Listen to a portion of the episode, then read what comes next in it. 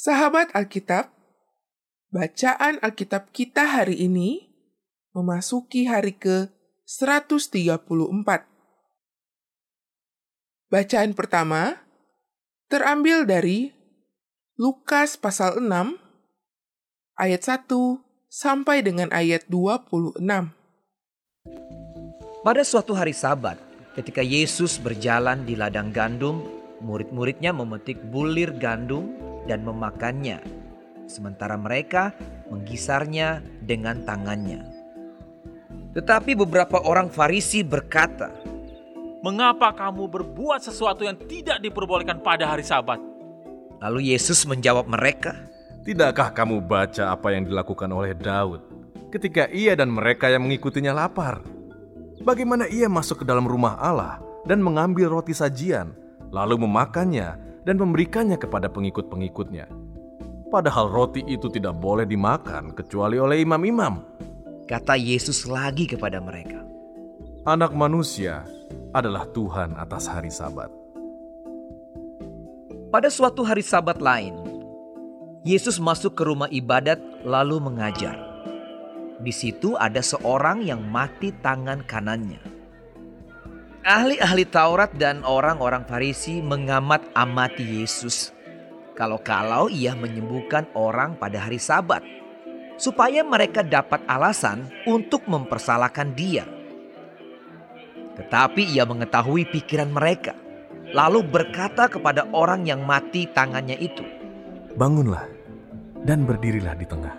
Maka bangunlah orang itu dan berdiri.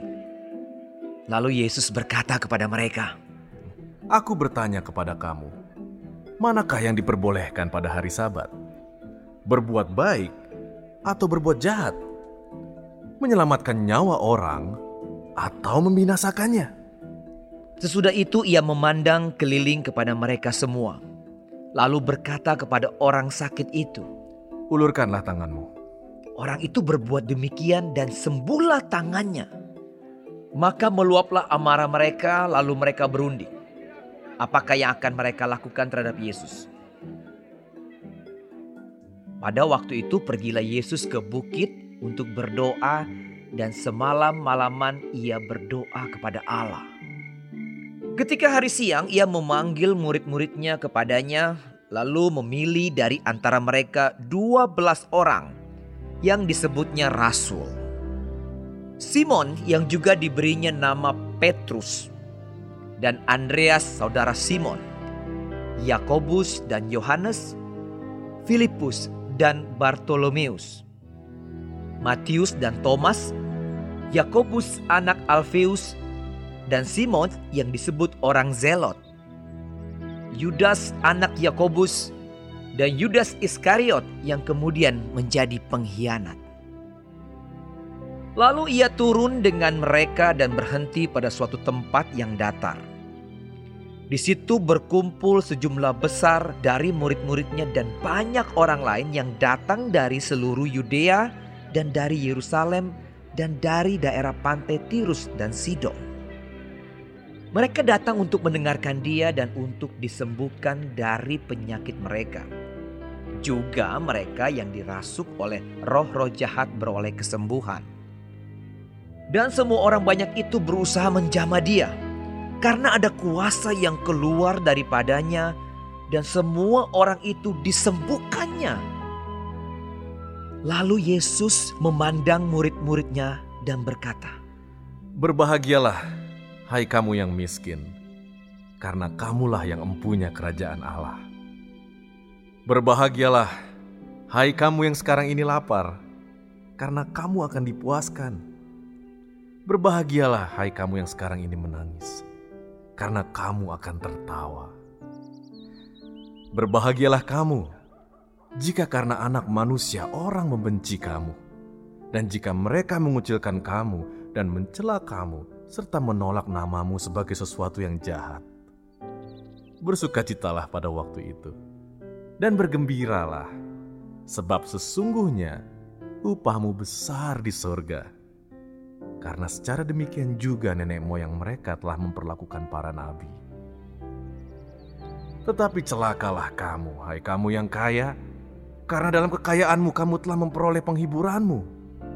Celakalah kamu yang sekarang ini kenyang, karena kamu akan lapar.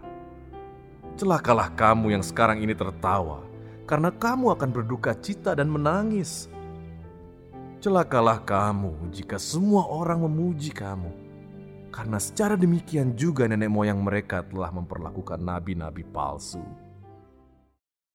Bacaan kedua terambil dari Kejadian pasal 3 sampai dengan Kejadian pasal 5.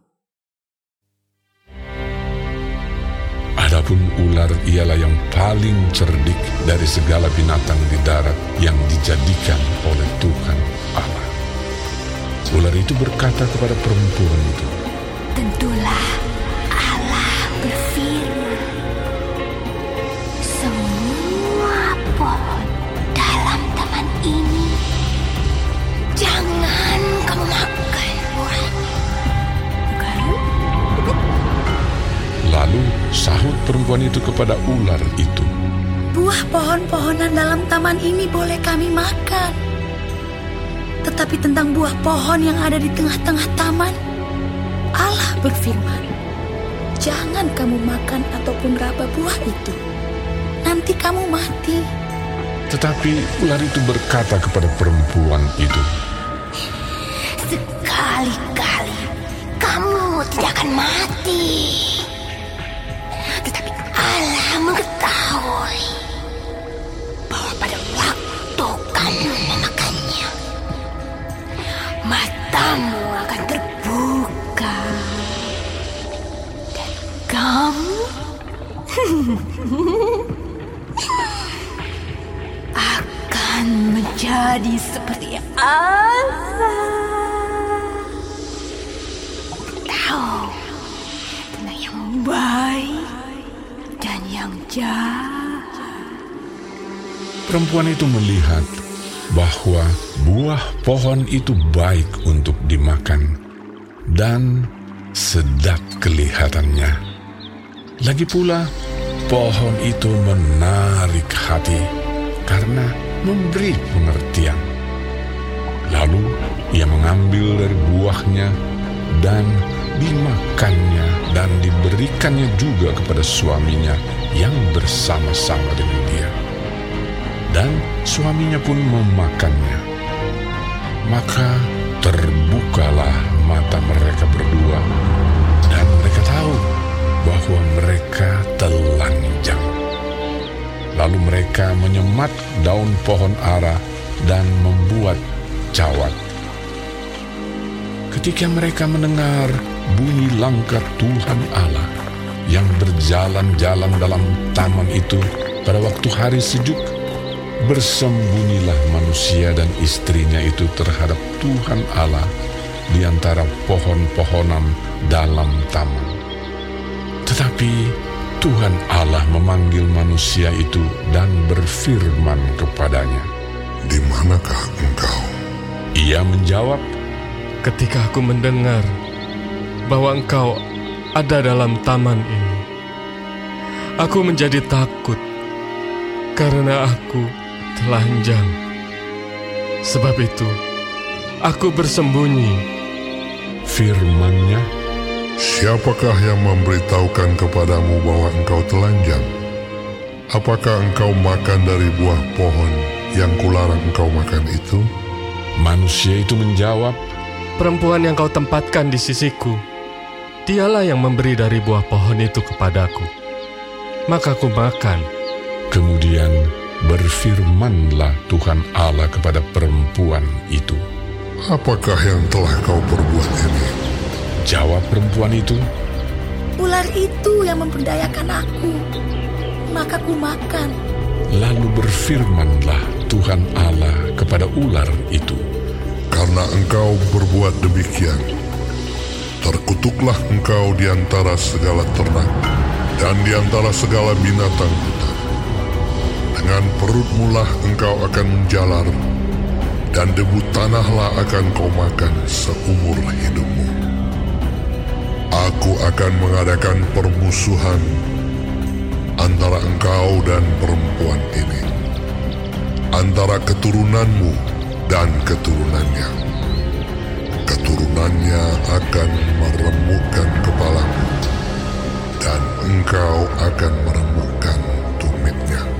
Firmannya kepada perempuan itu, Susah payahmu waktu mengandung akan kubuat sangat banyak. Dengan kesakitan engkau akan melahirkan anakmu. Namun engkau akan berahi kepada suamimu dan ia akan berkuasa atasmu. Lalu firmannya kepada manusia itu, Karena engkau mendengarkan perkataan istrimu dan memakan dari buah pohon yang telah kuperintahkan kepadamu. Jangan makan daripadanya, maka terkutuklah tanah karena engkau.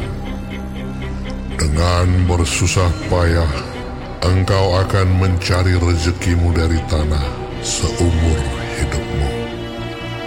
Semak duri dan rumput duri yang akan dihasilkannya bagimu. Dan tumbuh-tumbuhan di padang akan menjadi makananmu. Dengan berpeluh, engkau akan mencari makananmu sampai engkau kembali lagi menjadi tanah. Karena dari situlah engkau diambil. Sebab engkau debu dan engkau akan kembali menjadi debu. manusia itu memberi nama Hawa kepada istrinya, sebab dialah yang menjadi ibu semua yang hidup. Dan Tuhan Allah membuat pakaian dari kulit binatang untuk manusia dan untuk istrinya itu, lalu mengenakannya kepada mereka. Berfirmanlah Tuhan Allah, Sesungguhnya manusia itu telah menjadi seperti salah satu dari kita. Tahu tentang yang baik dan yang jahat. Maka sekarang jangan sampai ia mengulurkan tangannya dan mengambil pula dari buah pohon kehidupan itu dan memakannya sehingga ia hidup untuk selama-lamanya. Lalu Tuhan Allah mengusir dia dari Taman Eden, supaya ia mengusahakan tanah dari mana ia diambil. Ia menghalau manusia itu, dan di sebelah timur Taman Eden ditempatkannya lah beberapa kerub dengan pedang yang bernyala-nyala dan menyambar-nyambar untuk menjaga jalan ke pohon kehidupan.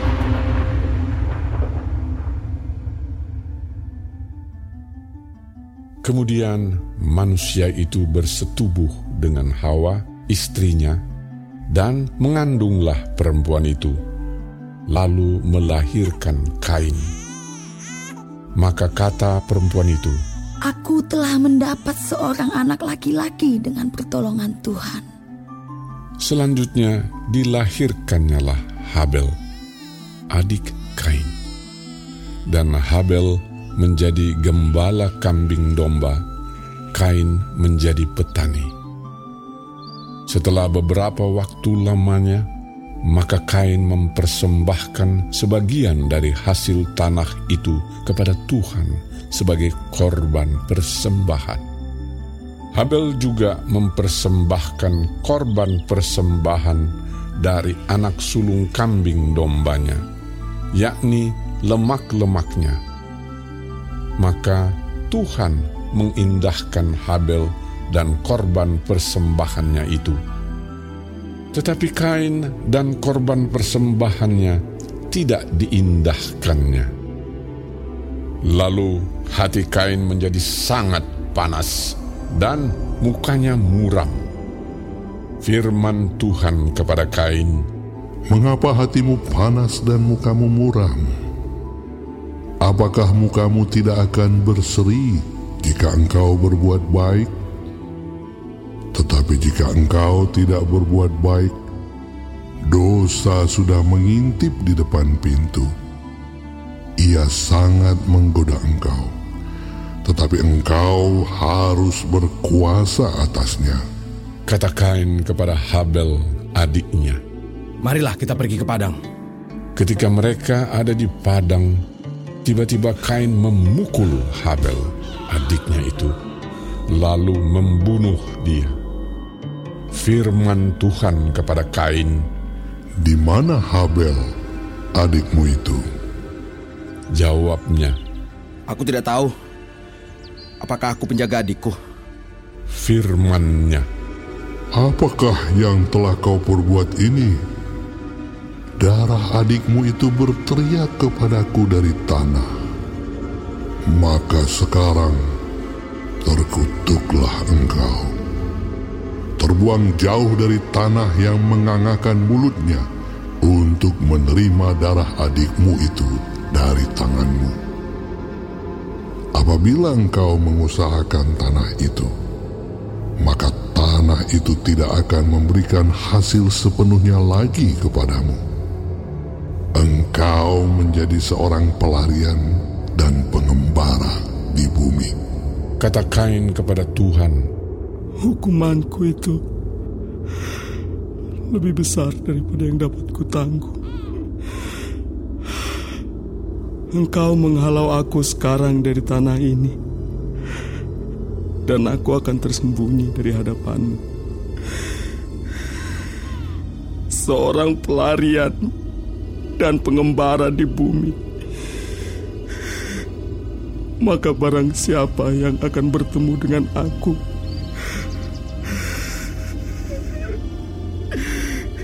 tentulah akan membunuh aku. firman Tuhan kepadanya, Sekali-kali tidak. Barang siapa yang membunuh Kain akan dibalaskan kepadanya tujuh kali lipat. Kemudian Tuhan menaruh tanda pada Kain, supaya ia jangan dibunuh oleh barang siapa pun yang bertemu dengan dia.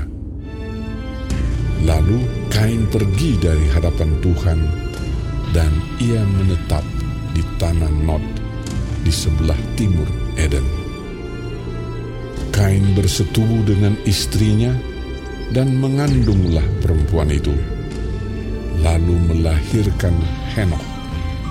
Kemudian Kain mendirikan suatu kota dan dinamainya kota itu Henok menurut nama anaknya.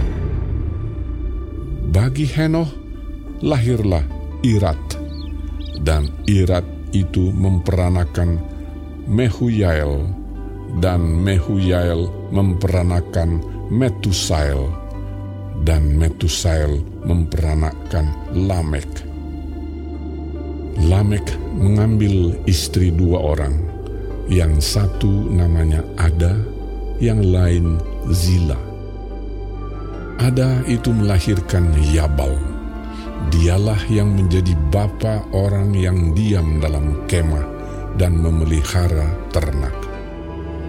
Nama adiknya ialah Yubal. Dialah yang menjadi bapa semua orang yang memainkan kecapi dan suling.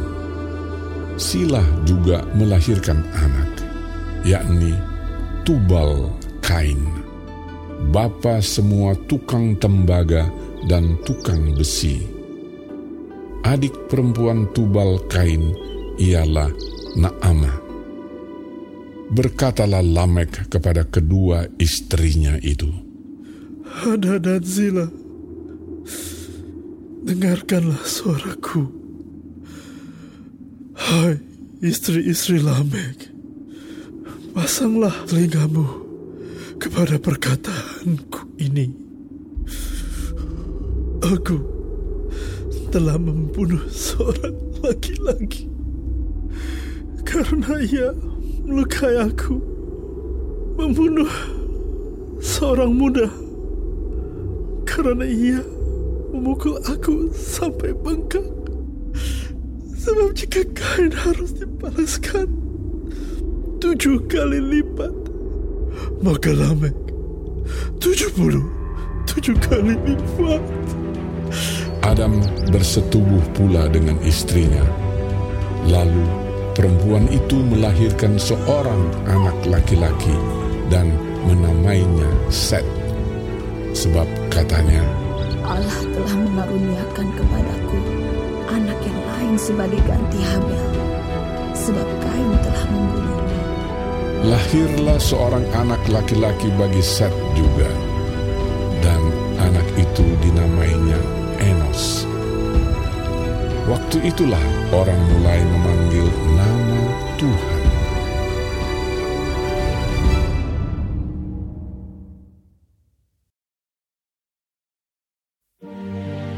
Inilah daftar keturunan Adam. Pada waktu manusia itu diciptakan oleh Allah, dibuatnyalah dia menurut rupa Allah. Laki-laki dan perempuan diciptakannya mereka. Ia memberkati mereka dan memberikan nama manusia kepada mereka pada waktu mereka diciptakan. Setelah Adam hidup 130 tahun, ia memperanakkan seorang laki-laki menurut rupa dan gambarnya, lalu memberi nama Set kepadanya. Umur Adam setelah memperanakkan Set 800 tahun dan ia memperanakkan anak-anak lelaki dan perempuan. Jadi Adam mencapai umur 930 tahun, lalu ia mati. Setelah Set hidup 105 tahun, ia memperanakkan Enos. Dan Set masih hidup 807 tahun setelah ia memperanakkan Enos dan ia memperanakkan anak-anak lelaki dan perempuan. Jadi, Set mencapai umur 912 tahun, lalu ia mati. Setelah Enos hidup 90 tahun, ia memperanakkan Kenan. Dan Enos masih hidup 815 tahun setelah ia memperanakkan Kenan dan ia memperanakkan anak-anak lelaki dan perempuan. Jadi Enos mencapai umur 905 tahun lalu ia mati. Setelah Kenan hidup 70 tahun, ia memperanakkan Mahalaleel. Dan Kenan masih hidup 840 tahun setelah ia memperanakkan Mahalaleel.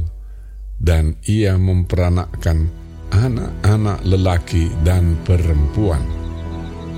Jadi Kenan mencapai umur 910 tahun, lalu ia mati. Setelah Mahalaleel hidup 65 tahun, ia memperanakkan Yaret.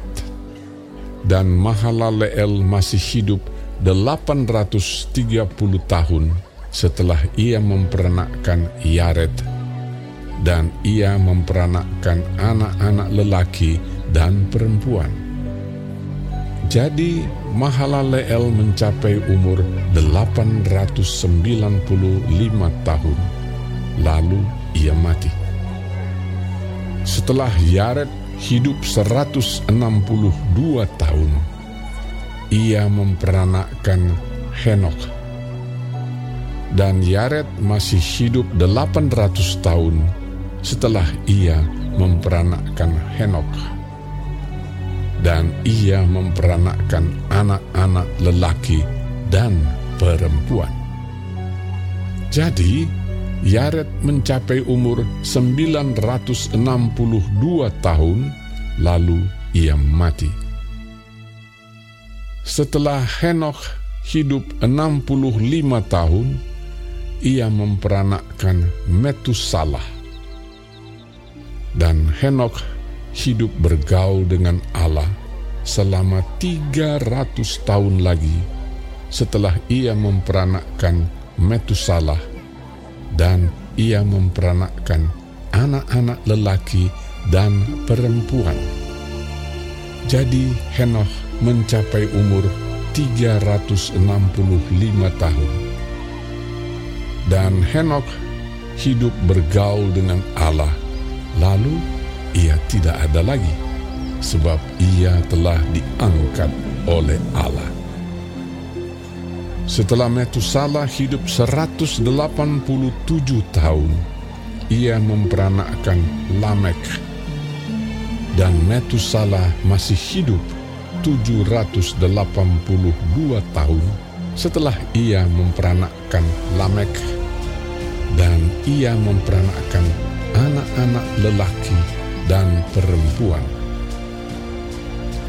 Jadi Metusala mencapai umur 969 tahun, lalu ia mati. Setelah Lamek hidup 182 tahun, ia memperanakkan seorang anak laki-laki dan memberi nama Nuh kepadanya. Katanya, Anak ini akan memberi kepada kita penghiburan dalam pekerjaan kita yang penuh susah payah di tanah yang telah terkutuk oleh Tuhan. Dan Lamek masih hidup 595 tahun setelah ia memperanakkan Nuh dan ia memperanakkan anak-anak lelaki dan perempuan. Jadi Lamek mencapai umur 777 tahun, lalu ia mati. Setelah Nuh berumur 500 tahun, ia memperanakkan Sem, Ham. Bacaan ketiga terambil dari Mazmur pasal 2. Mengapa rusuh bangsa-bangsa? Mengapa suku-suku bangsa mereka-reka perkara yang sia-sia? Raja-raja dunia bersiap-siap dan para pembesar bermufakat bersama-sama melawan Tuhan dan yang diurapinya. Marilah kita memutuskan belenggu-belenggu mereka dan membuang tali-tali mereka daripada kita. Dia yang bersemayam di surga tertawa. Tuhan mengolok-olok mereka. Maka berkatalah ia kepada mereka dalam murkanya dan mengejutkan mereka dalam kehangatan amarahnya. Akulah yang telah melantik rajaku di Sion, gunungku yang kudus. Aku mau menceritakan tentang ketetapan Tuhan. Ia berkata kepadaku, "Anakku, engkau, engkau telah kuperanakkan pada hari ini. Mintalah kepadaku, maka bangsa-bangsa akan kuberikan kepadamu menjadi milik pusakamu. Dan ujung bumi menjadi kepunyaanmu. Engkau akan meremukan mereka dengan gada besi, memecahkan mereka seperti tembikar tukang periuk. Oleh sebab itu, hai raja-raja, bertindaklah bijaksana. Terimalah pengajaran, hai para hakim dunia. Beribadahlah kepada Tuhan dengan takut dan ciumlah kakinya dengan gemetar. Supaya ia jangan murka dan kamu binasa di jalan. Sebab mudah sekali murkanya menyala. Berbahagialah semua orang yang berlindung padanya.